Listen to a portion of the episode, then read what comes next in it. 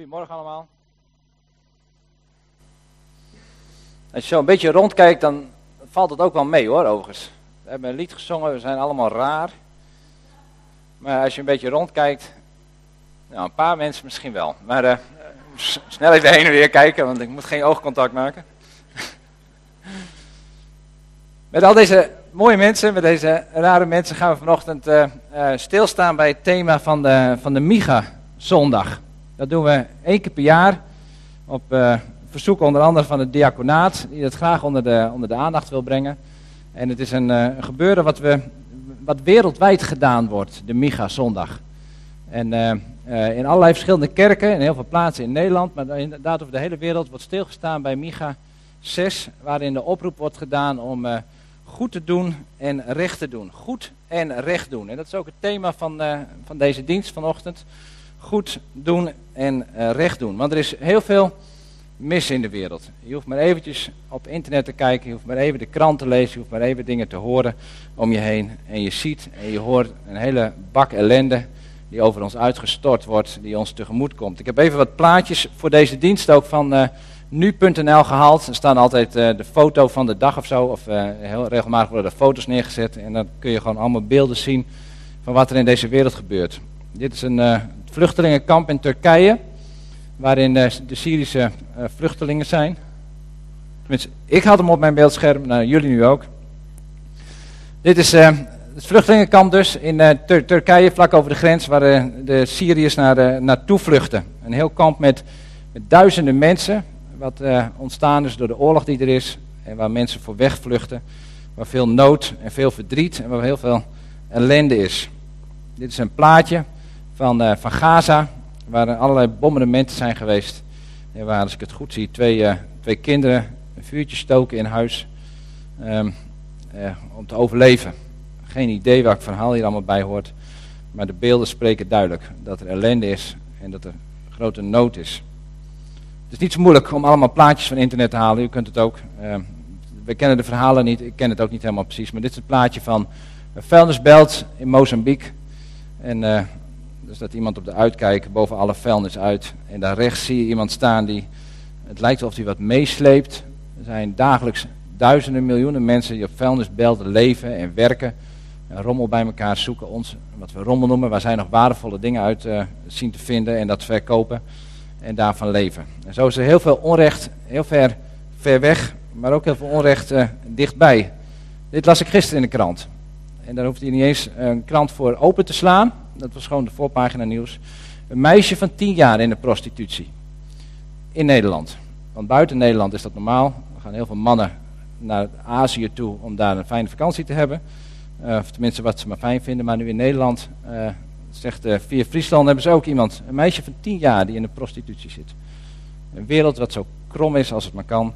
Waar veel nood is en waar heel veel ellende en heel veel verdriet is. En, en dan is één keer per jaar nog maar heel weinig om daarbij stil te staan op zo'n Miga-zondag. We hebben ook bij de, uh, de huiskring hebben we daarbij stilgestaan. We hebben met elkaar nagedacht ook over, uh, uh, over dit thema. Dat is een filmpje van iemand, daar kom ik zo meteen nog eventjes op terug, die iets vertelde wat hij in Nederland deed. Dus de nood is ver weg, maar de nood is ook, ook dichtbij. En God roept ons op om iets aan die nood te doen. Daar iets tegen te gaan doen. Want als we de Bijbel openslaan, dan komen we heel wat teksten tegen waarin staat dat we moeten omzien naar onze medemens. Tenminste, ik vind wel teksten in de Bijbel die daarover gaan. Kent u die teksten ook, vroeg ik me eigenlijk af. Kent u teksten in de Bijbel waarin kunnen we dat Bijbels onderbouwen? Dat, er, dat we moeten omzien naar onze medemens? Het verhaal van de barmhartige Samaritaan kent u waarschijnlijk. Wie, wie kan zo vijf teksten noemen waar je zegt van nou, dat staat duidelijk in de Bijbel. Dat moeten we omzien naar onze medemens. U leest wekelijks de Bijbel. Dus er zijn vast teksten. Wie kent vijf teksten? Nou, tien dan. Wie kent de tien? Oh, ik moet naar beneden gaan. Drie. Ja, u denkt, dan moet ik ze straks noemen ook en dan val ik door de mand. Maar ik denk dat u best vijf teksten kan bedenken waarin het omzien naar de medemensen centraal staat. En anders google je een beetje. Trouwens, ik heb nu een heleboel heb ik van debijbel.nl gehaald. Dat is een hele mooie bijbelvertalingen staan erin. Moeite waard om daar eens even naar te kijken. Maar er staan meer dan 2000 teksten in de Bijbel Ik heb ze niet bedacht, maar dat heb ik ergens gehoord. 2000 teksten in de Bijbel waarin onze oproep wordt gedaan om om te zien naar de medemens. Om te zien naar de zwakke mensen die om ons heen zijn. Dus uh, tien teksten moet misschien wel makkelijk kunnen zo uit uw hoofd. Voordat we daarbij stil gaan staan, gaan we even een ander plaatje doen. En dat, dat heeft wat te maken met het theorie-examen van uw uh, rijlessen, mocht u al zover zijn. En zo niet, dan het verkeersexamen van school. Dit is een bepaalde situatie. Uh, als je goed ziet, dan zie je daar een auto links. En u bent, stelt u zich voor, u bent die bestuurder. Zo gaat het ook met het theorie-examen. U bent de bestuurder van die grijze auto. Ik weet niet wat voor merk het is. En u komt aangereden. En u ziet daar een, een moeder met twee kinderen, minimaal twee kinderen, de straat oversteken. Moet u voorrang geven? Deze vraag is wat makkelijker dan de vorige. Moet u voorrang geven? Wie denkt van ja? Even kijken wie vooral nee doet. Ja, u moet voorrang geven, dat klopt hè? Ja, dit is een zebrapad en uh, zo gaan de regels. Maar stelt u nou eens voor, u hebt heel hard gewerkt de hele dag en uh, u moet om zes uur eten s'avonds, dus een beetje een praktijkvoorbeeld uit mijn eigen leven. U moet om zes uur eten s'avonds, maar op het werk was het druk en u uh, moest nog even wat doen, afmaken. En het is al tien over zes en u rijdt de wijk binnen. En u rijdt weer in die grijze auto. Het is tien over zes, u zou zes uur thuis zijn, want het eten, want dat had u thuis beloofd. Ja, vandaag kom ik zeker op tijd thuis. Nou. En u komt aangereden, u hebt haast. En er staat een moeder over met twee kinderen. Moet u voorrang geven? Wie denkt van ja? Nou, ook een heleboel. Dat is mooi. Wat zeg je? Ja, dat is waar. Anders heb je een heel groot probleem. Ja, dat is ook waar. Maar je moet voorrang geven. Klopt. Maar als je nou, stel voor je bent directeur van een heel groot bedrijf. En je komt aangereden. Je moet voorrang geven. Stel je voor je bent de burgemeester. Je moet voorrang geven. Stel je voor dat je niet zoveel zin hebt om voorrang te geven. Zo van, nou, uh, gewoon vandaag geen zin in.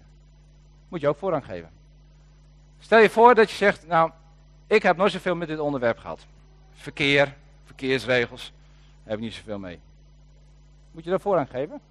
Ja, je moet altijd voorrang geven. Want dat is de regel. Of je nou Poetin bent, of Rutte, of de koningin, of de koning hemzelf, je moet voorrang geven. Dat zijn de regels. Ja? Een motivatie om iemand voorrang te laten geven. De volgende situatie. Hij lijkt een beetje op deze. En als je goed ziet, dan ziet u dat het heel hard gaat omweren bijna. Het wordt goed donker. En u komt daar aangereden. En u heeft ook een uh, leuke werkdag gehad. En weet ik wat, u bent deze keer een beetje mooi op tijd. En dan steekt iemand over. Dan heeft hij natuurlijk voorrang, want dat is de regel.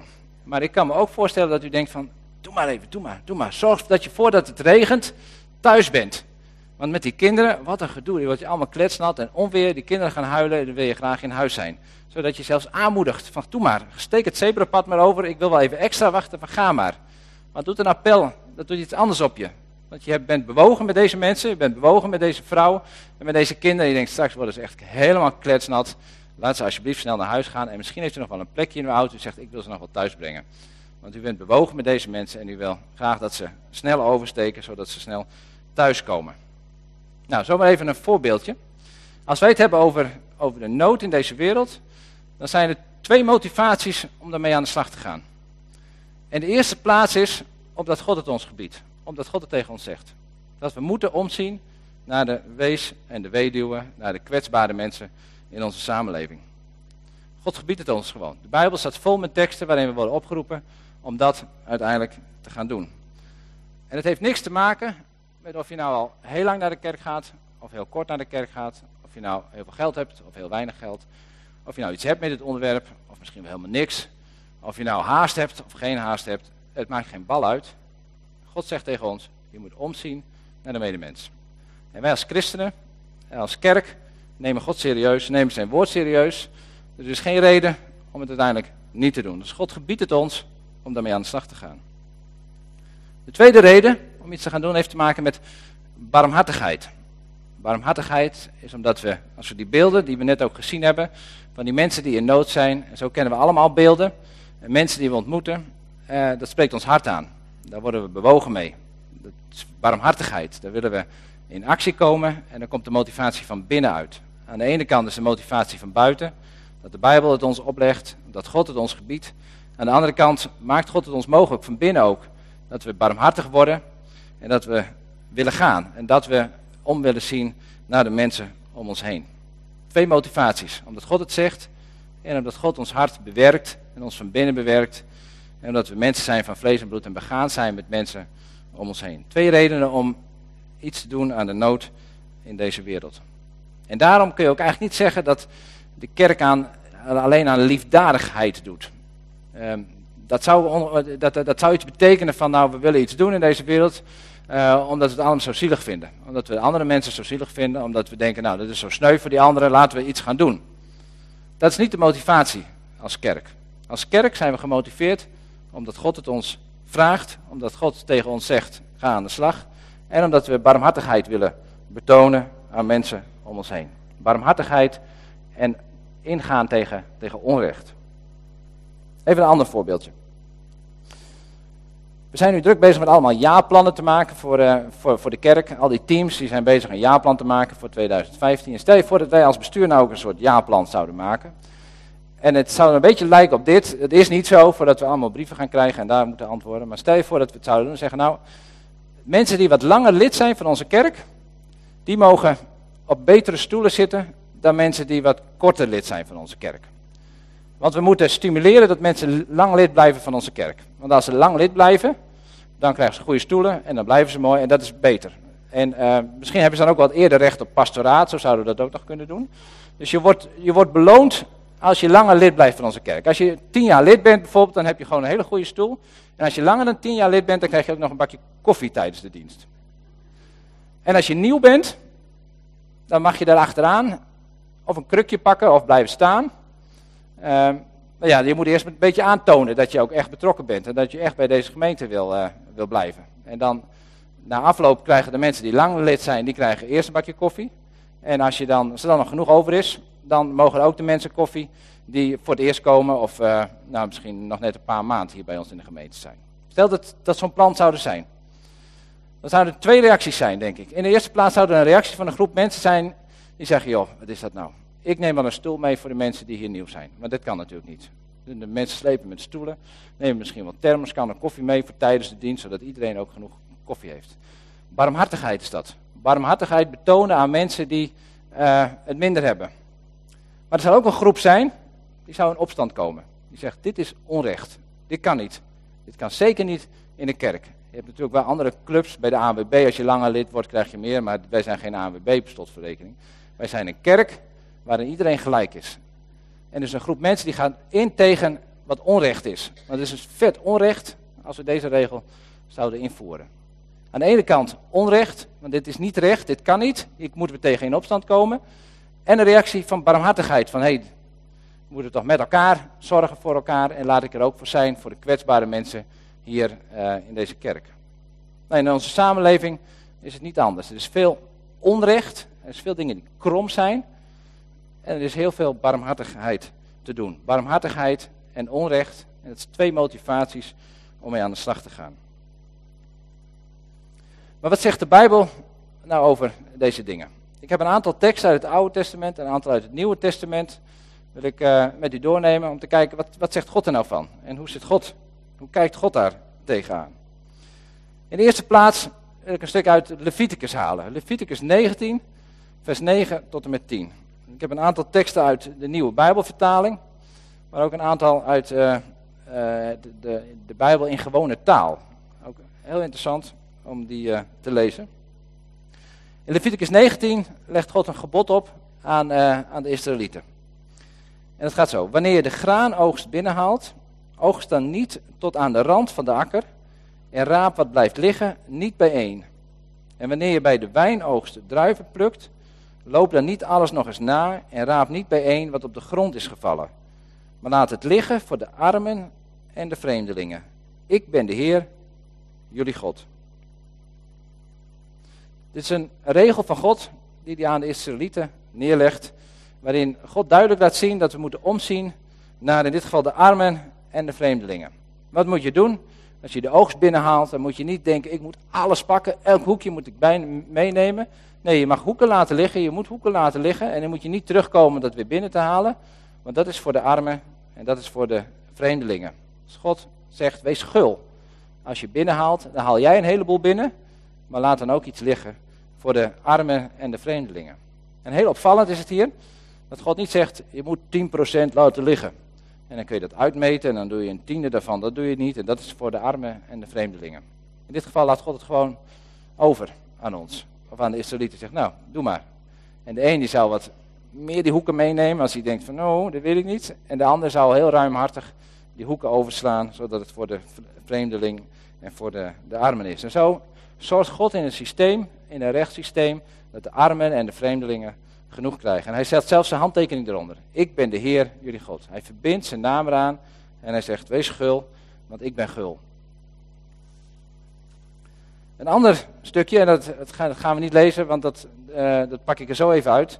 Dat zijn de instellingen die God gedaan heeft, onder andere het Sabbatjaar en het jubeljaar. Het Sabbatjaar is het zevende jaar. En het zevende jaar mogen de Israëlieten niet ook oogsten. Ze mogen dus zes jaar, jaar lang mogen ze oogsten van het land. En het zevende jaar mogen ze dat niet doen. Want het zevende jaar, dat is voor de vreemdelingen en voor de armen. En die mogen dan, uh, alles wat dan nog omhoog komt, mogen ze binnen gaan halen. Dus zo zorgt God ook dat uh, in dat jaar er veel is voor armen en voor mensen die tekort komen. En dan nadat je zeven keer zeven jaar hebt gehad, dan is er het jubeljaar. En in het jubeljaar heeft God geboden dat, ze, uh, dat iedereen zijn stukje land weer terugkrijgt. Dus als je je land hebt moeten verkopen omdat je schulden hebt gemaakt of omdat het allemaal niet lukte, dan verkocht je het land en had je geld.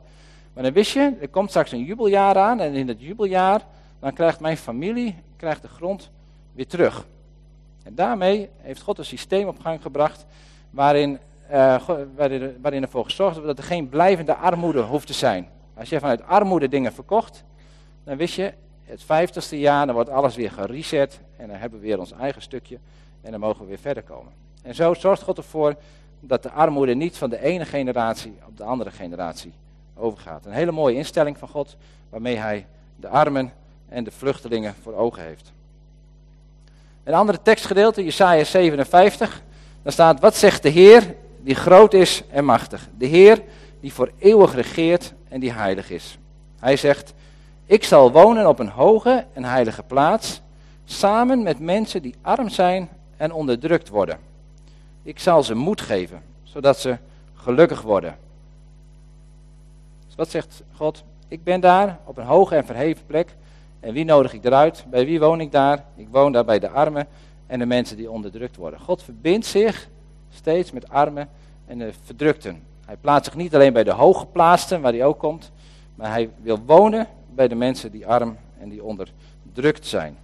Zomaar wat teksten uit het Oude Testament. Uh, misschien nieuw voor u, misschien uh, herkent u deze ook wel. En zo zijn er nog veel meer teksten. Ik wil ook even kijken naar het Nieuwe Testament. Want ook in het Nieuwe Testament wordt daar het een en ander over verteld. Als Jezus naar de aarde komt, dan komt hij sowieso al naar ja, het verlorene, om het maar zo te zeggen. Jezus was in de hemel en uh, hij had het daar goed voor elkaar. En Jezus gaat naar de armen toe, hij gaat naar ons toe, naar de mensen die verloren zijn. Hij zoekt de tollenaars op, hij zoekt de melaatsen op, hij zoekt de mensen die de outcast zijn van de samenleving. En hij mijt ze niet, nee, hij zoekt ze juist op. Hij gaat zelfs bij een tollenaar naar binnen, waarvan de mensen zeggen, dat is een zondaar. Jezus gaat er naartoe. Jezus slaat niemand over. En in Johannes 3 staat, stel dat een rijke gelovige ziet dat een andere gelovige arm is. Maar hij heeft geen medelijden met die ander en helpt hem niet. Dan blijft Gods liefde niet in hem. Vrienden, we moeten anderen laten merken dat we van hen houden. Niet door mooie woorden, maar door daden die Gods waarheid laten zien. We moeten iets doen voor onze medebroeders en zusters die, die arm zijn. God roept ons op, de Bijbel, het Nieuwe Testament roept ons op en Jezus is daar een voorbeeld in om om te zien naar de armen, de wezen en de weduwen. En deze is een hele duidelijke van Jacobus 1, vers 27. Staat, dit is de ware en zuivere manier om God, onze Vader, te dienen. Help weduwen en kinderen zonder vader in hun moeilijkheden. Doe wat God wil en leef niet zoals de mensen die God niet kennen. In, de oude vertaling staat iets van de zuivere, onbevlekte godsdienst of zo, geloof ik. Ik ben even vergeten het op te schrijven. Is om te zien naar de weduwe en de wezen in onze samenleving. We kunnen er niet omheen. God, die roept ons daartoe op. Zomaar even wat, wat teksten. En God neemt dit ook heel serieus. Want je kan ook zeggen, joh, er zijn ook heel veel andere teksten in de Bijbel, dat we moeten ook ontzettend zoveel andere dingen doen. Maar God neemt dit onrecht, als hij onrecht ziet, neemt hij heel erg serieus. En daarom wil ik met u even kijken naar het boek Amos. Het is de Miga-zondag, maar in diezelfde periode ongeveer is Amos ook geschreven. En Amos is een profeet. En uh, die wordt vanuit het zuiden van het land wordt hij geroepen om naar het noorden van het land te gaan. Hij woont in Juda. En God die roept deze schaapherder, die heel veel schapen heeft. En volgens uh, uh, Menega ook een hele mooie man is. Dat zei je net tegen mij. Amos was een mooie man. Ik was er niet bij. Maar hoe dan ook, deze schaapherder die wordt door God geroepen om naar het noorden van Israël te gaan, naar het tienstammenrijk. En om daar te profiteren. En het gaat eigenlijk best goed in die tijd. Zowel met Juda als ook met de tienstammenrijk van Israël. Er is behoorlijk wat welvaart en het gaat allemaal best aardig. Uh, maar wat niet goed gaat is dat door die welvaart de rijken de armen uitbuiten. En het misgaat op dat gebied. En we lezen even het eerste stukje. En dan pak ik er straks nog even een ander stuk uit. Maar je moet thuis het hele gedeelte maar even lezen. De tweede vers dat geloof ik. Nu volgt wat Amos gezegd heeft. De Heer spreekt in Jeruzalem. Hij spreekt op de berg Sion. Zijn stem klinkt als het brullen van een leeuw. Als de Heer spreekt, verdroogt het veld van de herders. En het gras op de berg Karmel gaat dood. Dit zet een beetje de toon van het boek, eh, waarmee, waarmee God wil spreken. En wat mij opviel is dit. Zijn stem klinkt als het brullen van een leeuw. Dit is een beetje de toon van het boek. Het is niet een boek wat je even op een avondje leest, dat is het een beetje. Maar de stem van God zegt Amos, klinkt als het brullen van een leeuw. Heb ik even gegoogeld op brullen van een leeuw. En dan krijg je ongeveer dit te zien. Dus dit is de toon waarmee God spreekt tot Israël. En het hele grote deel van het boek gaat over, over wat het onrecht wat Israël doet. Het brullen van een leeuw. En hoe ziet nou het brullen van een mens eruit? En als je daarop googelt, is een beetje link, dan krijg je dit. En nou ja, ik vergeet het maar misschien een beetje, maar God is boos. God brult. God, God, God is, is een hart geraakt. Uh, en dat zijn de woorden die Amos moet spreken. Als het, als het brullen van een leeuw. Hij, is, hij gromt en hij is boos en hij wil hij dingen zeggen. Waar is God dan boos over? Nou, dat lezen we in Amos 5, vers 10 tot 12. En dan lezen we nog veel meer. Eerst gaat het over de andere volken en daar is God ook boos over. Maar dan komt hij uiteindelijk ook bij Israël uit. En er staat: Jullie verachten hen die in de poort het recht verdedigen. Jullie, jullie verachten hen die in de poort het recht verdedigen. Jullie verafschuwen hen die de waarheid spreken. Jullie vertrappen de zwakken en eisen een deel van hun graan op. Daarom, huizen van steen hebben jullie gebouwd, maar je zult er niet in wonen. Prachtige wijngaarden hebben jullie geplant, maar je zult er geen wijn van drinken. Want ik weet hoe talrijk jullie misdaden zijn, hoe groot jullie zonde. Jullie keren je tegen de onschuldigen. Jullie ontvangen steekpenningen. Jullie ontnemen de armen in de poort hun recht. Dat is waar God boos over is. Hij is ziedend, hij brult het uit. En daar ben ik tegen. En dat is onrecht. En dan gaat hij nog een stukje verder in. Uh, Amos 5, vers 1 tot met 24. Ik heb een afkeer van jullie feesten. Ik wijs af. Jullie samenkomsten verdraag ik niet. Ik schep geen behagen in de brand- en graanoffers die jullie mij brengen. De vetgemeste beesten van jullie vredeoffers keur ik geen blik waardig. Heeft notabene God zelf ingesteld dat je al die offers moet brengen, dat je het allemaal netjes moet doen. Heel Leviticus staat vol ervan. En wat zegt God? Ik heb er een afkeer van. Ik vind het verschrikkelijk wat jullie doen. Bespaar mij het geluid van jullie liederen. De klank van jullie harpen wil ik niet horen. De mooie muziek die de Israëlieten maken om God te verheerlijken, een grote vroomheid, mooie liederen die ze hebben. Hij heeft er een afschuw van. Hij zegt, laat liever het recht stromen als water en de gerechtigheid als een altijd voortvloeiende beek. Dat is wat God zegt. Laat alsjeblieft het recht stromen als water. Het water wat leven brengt en het water wat maar blijft stromen en blijft stromen. Niet één keer, maar laat het recht stromen. Doe recht. En de gerechtigheid als een altijd voortvloeiende beek. Doe gerechtigheid. Breng gerechtigheid aan in je systemen, in je land, in je structuren. Dat raakt God. Het raakt God als er onrecht gedaan wordt aan mensen uh, die recht gedaan zouden moeten worden. In de poort uh, we, zaten de wijze mensen, zaten de oudsten, heb ik gehoord, en die deden het recht. Uh, en dan kwam er een geschil bij hun en de oudsten in de poort die moesten dan recht spreken. Maar in die poort werd er onrecht gesproken en werden de armen veracht. En daar is God boos en daar is hij ziedend over. Waarom? Omdat God een God van rechtvaardigheid is. God houdt van rechtvaardigheid, maar God is een rechtvaardig God. Dus hij wordt zelf aangeraakt. En daarom haat hij onrecht. Heeft hij een afkeer van onrecht. En het niet zomaar even, ik heb wat regels bedacht en enzovoort. Maar God wordt daarmee geraakt. Want hij is een God van rechtvaardigheid. Hij, zijn karakter is rechtvaardigheid. En eigenlijk zegt God, als je aan die arme mensen komt, als je aan die verdrukte mensen komt, als je aan die achtergestelde mensen komt, dan kom je aan mij. Raak je hen aan, dan raak je mij aan. In dit Bijbelgedeelte moest ik een beetje denken aan, ja, hoe moet je het nou in deze tijd misschien een beetje zien, maar stel je voor, iemand komt bij je aan de deur en die zegt, ik vind het echt geweldig wat je gedaan hebt. En uh, hoe dan ook, ik vind je een geweldige persoon. Hier heb je een bos bloemen. Nou, dat is toch geweldig. En terwijl die ander weggaat, heeft hij een steen en maakt hij een mooie kras over je auto. Dat is een beetje wat, wat, waar, waar, ik aan moest denken bij dit. We zingen mooie liederen. De, de Israël is mooi vroom. En we zijn heel vroom bezig met elkaar, maar ondertussen doen we hele lelijke dingen. En God zegt, nou, dat rijm ik niet met elkaar. Dat kan niet. Stop dan alsjeblieft met die bloemen geven. Uh, maar doe allebei goed.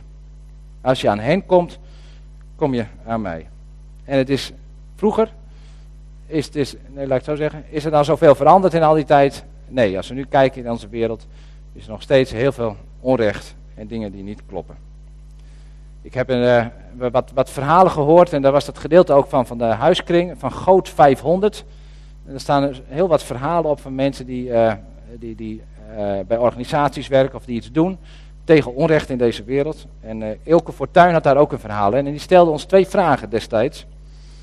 En die vraag wil ik u ook stellen. Hoe, um, dat is een vraag over theeplukkers in Oeganda. Je hebt in Oeganda heb je een heel aantal mensen die thee plukken. En als wij zo meteen koffie gaan drinken en we gaan thee drinken, dan komt er misschien ook wat thee vanuit Oeganda terecht. En dan hebben ze allemaal regels bedacht voor uh, mensen die thee gaan plukken dat ze uh, een bepaald salaris moeten hebben. En stel je voor dat salaris zit op 100%. En dat hebben mensen bedacht, die theeplukkers verdienen 100% en dan kunnen ze het net overleven. Dus de theeplukkers in Oeganda verdienen ongeveer 100% of zouden dat moeten verdienen.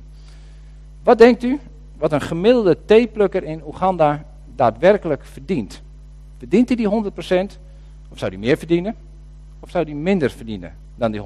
En die 100% dat is ongeveer om te overleven. Nou, praat even met z'n tweeën. Denk even, wat zou het zijn? Wat voor percentage? Eén minuutje? Oh, niet eens. 30 seconden. Drink ik even wat.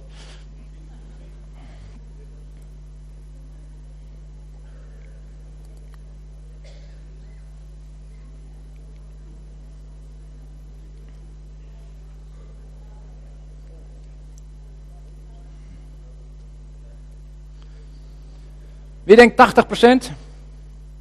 Wie denkt meer dan 100? Nee, dat zou het natuurlijk niet zijn. 40 procent. 40 procent van die 100 procent verdient een gemiddelde theeplukker in Oeganda. En die Eelke Fortuin, die dat vertelde, die zei, ik ben er naartoe geweest om dat te checken of dat klopte. En heeft met zo'n theeplukker gesproken en het was inderdaad zo. En toen zei hij, wat heeft dat nou voor consequentie voor jouw leven? En toen zei die theeplukker, ik heb niet voor mijn kind, kinderen kunnen zorgen en een van mijn kinderen is overleden. Dat is het onrecht in deze wereld. We hebben mooie regels bedacht, 100%, 40% en er sterft een kind van, omdat het allemaal systemen zijn van onrecht. Een ander voorbeeld wat hij noemde. Wat denk je wat de gemiddelde werkweek is van iemand die in een kledingfabriek werkt in Bangladesh? Afgesproken is 48 uur. Wij werken 38 uur, hè? 48 uur is afgesproken. Maar wat zou nou de feitelijke gemiddelde werkweek zijn? Dus de ene keer zit je dat boven, de andere keer zit je dan natuurlijk wat onder. Nou, weer even 15 seconden met elkaar.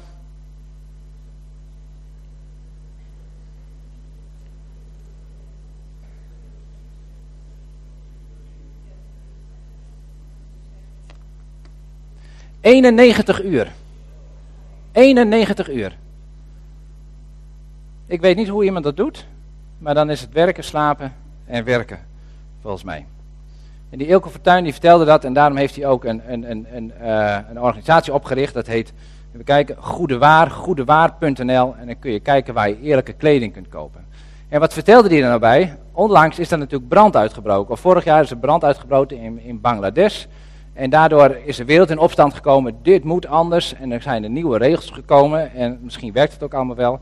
En er zijn zelfs kledingfabrieken die zeggen: Oh, Bangladesh is niet zo'n goed land meer. Want daar komen nu allemaal scherpe regels. Laten we naar een ander land toe gaan om te kijken of we daar ook kleding kunnen maken. Want anders wordt de kleding wel heel erg duur. Dus er zijn kledingfabrieken die gaan daar naartoe. En die gaan daar kleding maken. Komt hier op de markt en wij kopen de goedkoopste kleding. Dus we zijn net zo bezig als die kledingfabrieken. Maar zo krom en zo veel onrecht is er in deze wereld. In die tijd van Amos was er veel onrecht.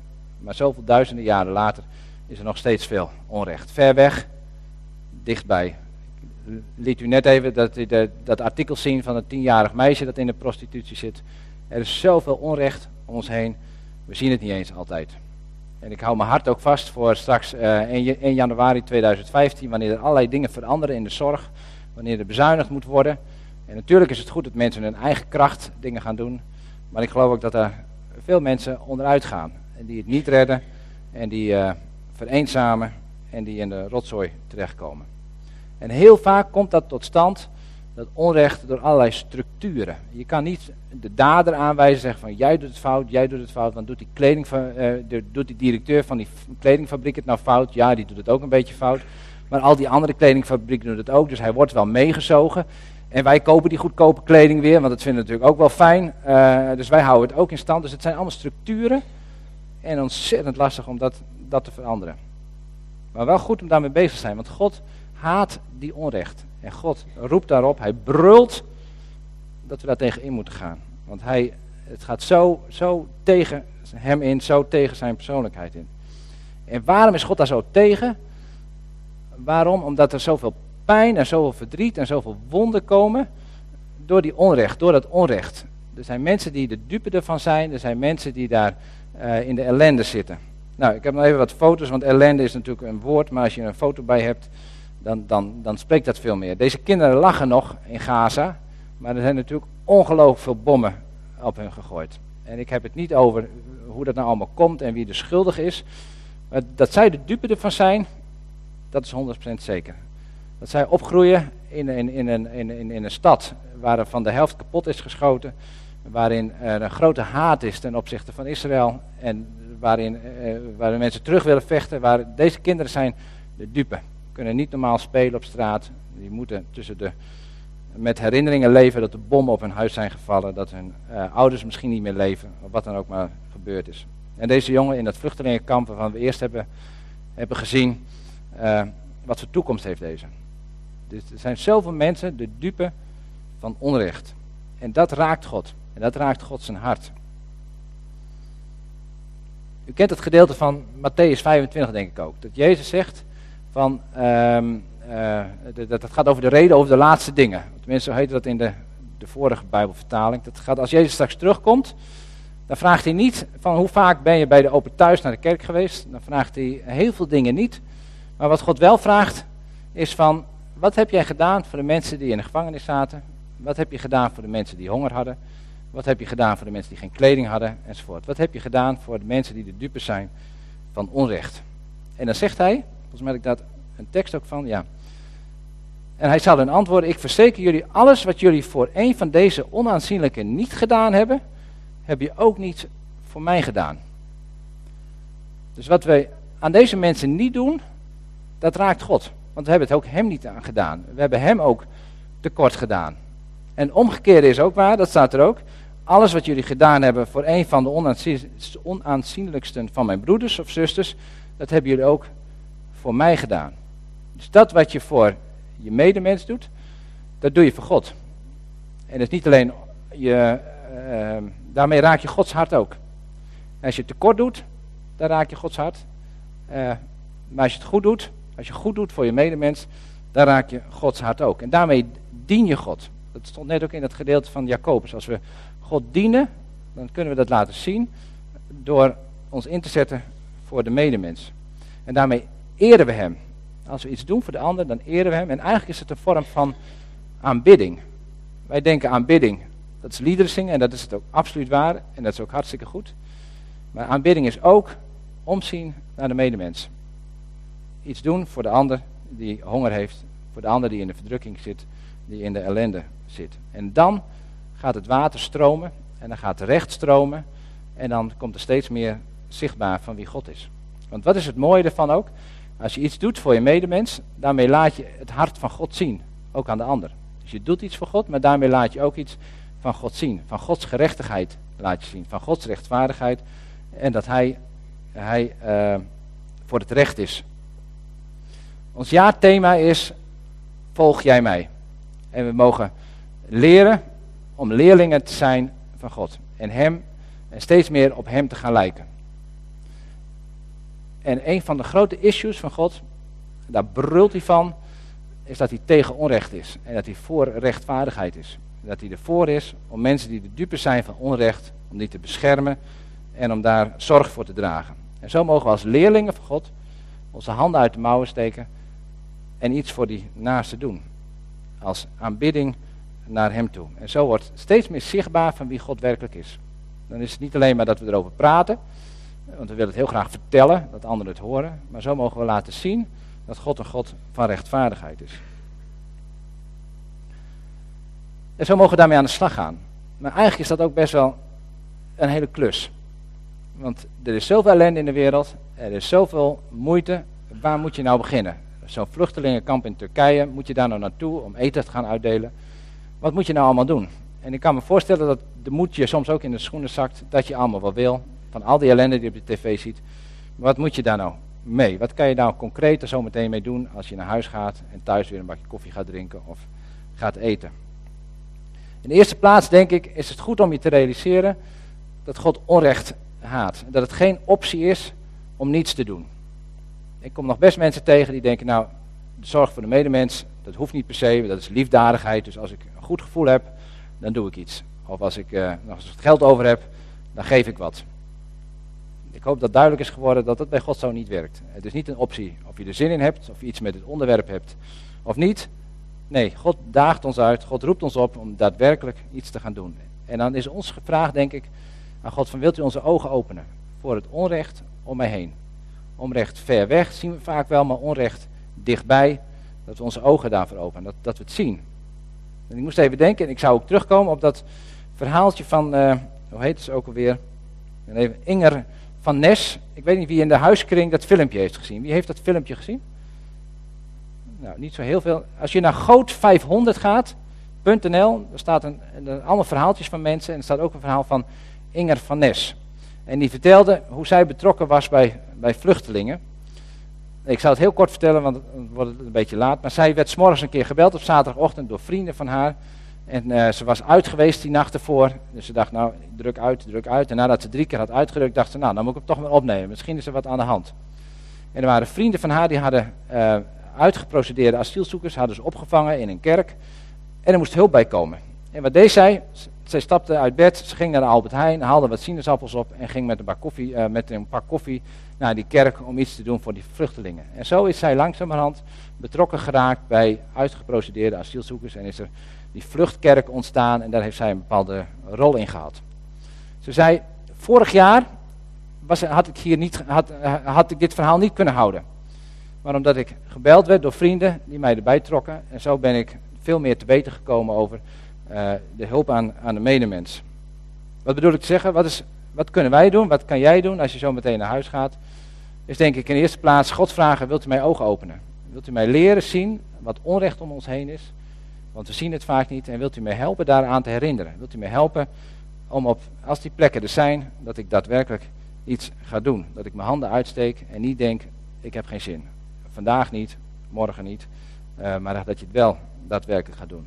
En tegelijk moeten we denk ik ook niet gelijk heel groot gaan denken. We moeten hele grote acties op touw zetten en hele grote dingen gaan doen. Dat mag wel, maar begin maar klein. In je eigen omgeving, in je huis, in je gezin, op school of in de kerk.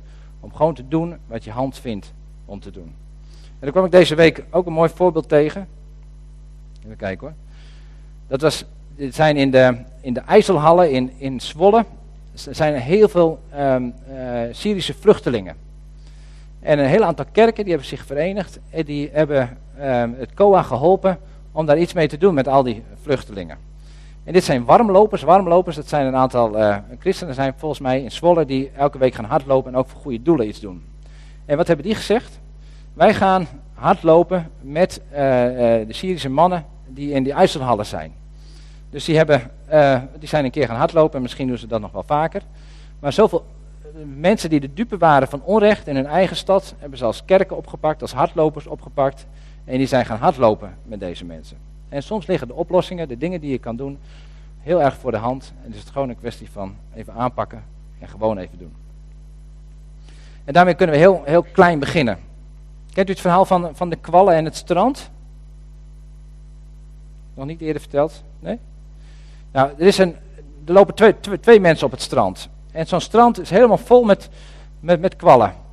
En er is een, een jongetje van een jaar of acht, die pakt zo'n kwal op. En die gooit hem heel ver weer de zee in. En dan stapt hij weer een stap verder, dan pakt hij weer een kwal. En die gooit hem weer heel ver in de zee. En dan komt er een hele een oude man aan, een hele wijze oude man. En die zegt, eh, jongetje, waarom doe je dat? Het heeft helemaal geen zin. Er liggen allemaal kwallen en die gaan hier allemaal dood. Het heeft geen zin, daar kom jij nooit aan toe. En het jongetje pakt weer een kwal op. En die gooit hem, en die gooit hem weer in de zee. En hij zegt, maar voor deze is het een verschil van leven en dood geweest. Er is zoveel zorgen en zoveel ellende in deze wereld. En je denkt, waar moet je nou beginnen? En soms moet je daar maar gewoon beginnen, daar waar je staat, in je eigen situatie, in je kerk, in je gezin, in je bedrijf, om iets te gaan doen en een verschil te maken voor diegene die jij tegenkomt. En zo mogen we aan de slag gaan en mogen we iets doen. En ik wil je uitdagen om, om, om daarmee aan de slag te gaan. En misschien iets te doen met de kwaliteiten, met de talenten die jij hebt, want dat heeft God jou uiteindelijk gegeven. En dat mag je ook inzetten voor je medemens. Volgens mij heb ik nou nog één foto. En deze kwam ik ook tegen op nu.nl. Dit is een kunstenaar. En die kunstenaar komt ook op tegen onrecht. Ik kan dit niet maken. Maar omdat hij kunstenaar is, hij zet zijn kwaliteiten in, wordt dit op nu.nl eh, getoond. Ik weet niet of die man dat ooit van nu.nl gehoord had. Maar dit gaat over, dat heb ik opgeschreven in India. Nou, ik ben het even kwijt. Maar in India is ergens veel onrecht geweest. En hij zegt, kogels brengen geen vrede. En dat is de boodschap aan hem. En hij is een kunstenaar en hij laat het op die manier zien. En misschien ben je een muzikant en kun je een heel mooi lied maken waarin je zingt over onrecht en over recht wat we gedaan kunnen hebben. Misschien hou je wel heel erg van koken. En zeg je, ik bak elke week oh, een cake bak je en kook je niet. Misschien hou je wel heel veel van cake bakken. En zeg je, ik bak eh, elke week een cake en die geef ik weg aan iemand waarvan ik weet, die heeft het even moeilijk. Of die leeft in, uh, in moeilijkheden of uh, op de armoedegrens. En zo hebben we kwaliteiten van God gekregen om daar iets mee te gaan doen. Gewoon heel klein in onze eigen omgeving kunnen we mee aan de slag. En volgens mij is het geen optie om niks te doen. Want God die roept ons op om dat te gaan doen. En als we het in, in zijn hand leggen, en dan, hou ik het, dan sluit ik hiermee af. Ik moest denken aan het verhaal van die spijziging van die 5000. Wat kunnen vijf broden en twee vissen nou betekenen? Die kunnen 5000 mensen voeden. Uh, als je het in de handen van God legt. Dus als je je kwaliteit, je talenten die je hebt in de handen van God legt. En zegt, Heer, wilt u er maar mee doen? Dan gaat God uitdelen. Zullen we bidden met elkaar. Vader in de hemel, willen u danken dat u een God bent van rechtvaardigheid. Heer, dat u uh, recht wilt brengen en dat u opkomt voor de zwakken, voor de mensen die de dupe zijn van onrecht in deze samenleving. Heer, en wij lopen daar zo makkelijk aan voorbij. Omdat we druk hebben met onze eigen dingen, omdat er zoveel eigen belangrijke dingen zijn, onze eigen zorgen, onze eigen problemen. Heer, en we bidden dat u onze ogen opent voor onrecht in onze omgeving. Bij de buren, in ons eigen gezin, bij de overburen, op het werk, in de klas, op school. Heer, dat we dat zien en dat we een klein beetje daar iets tegen mogen doen. Wilt u ons daarbij helpen? Wilt u ons daaraan herinneren? En wilt u ons de mogelijkheden daarvoor geven? En zo willen we de kwaliteiten die we hebben, de talenten die we hebben, willen we in uw handen leggen. En uh, wilt u het maar vermenigvuldigen. Wilt u daarmee maar uw werk doen. Dat bidden we in Jezus' naam. Amen.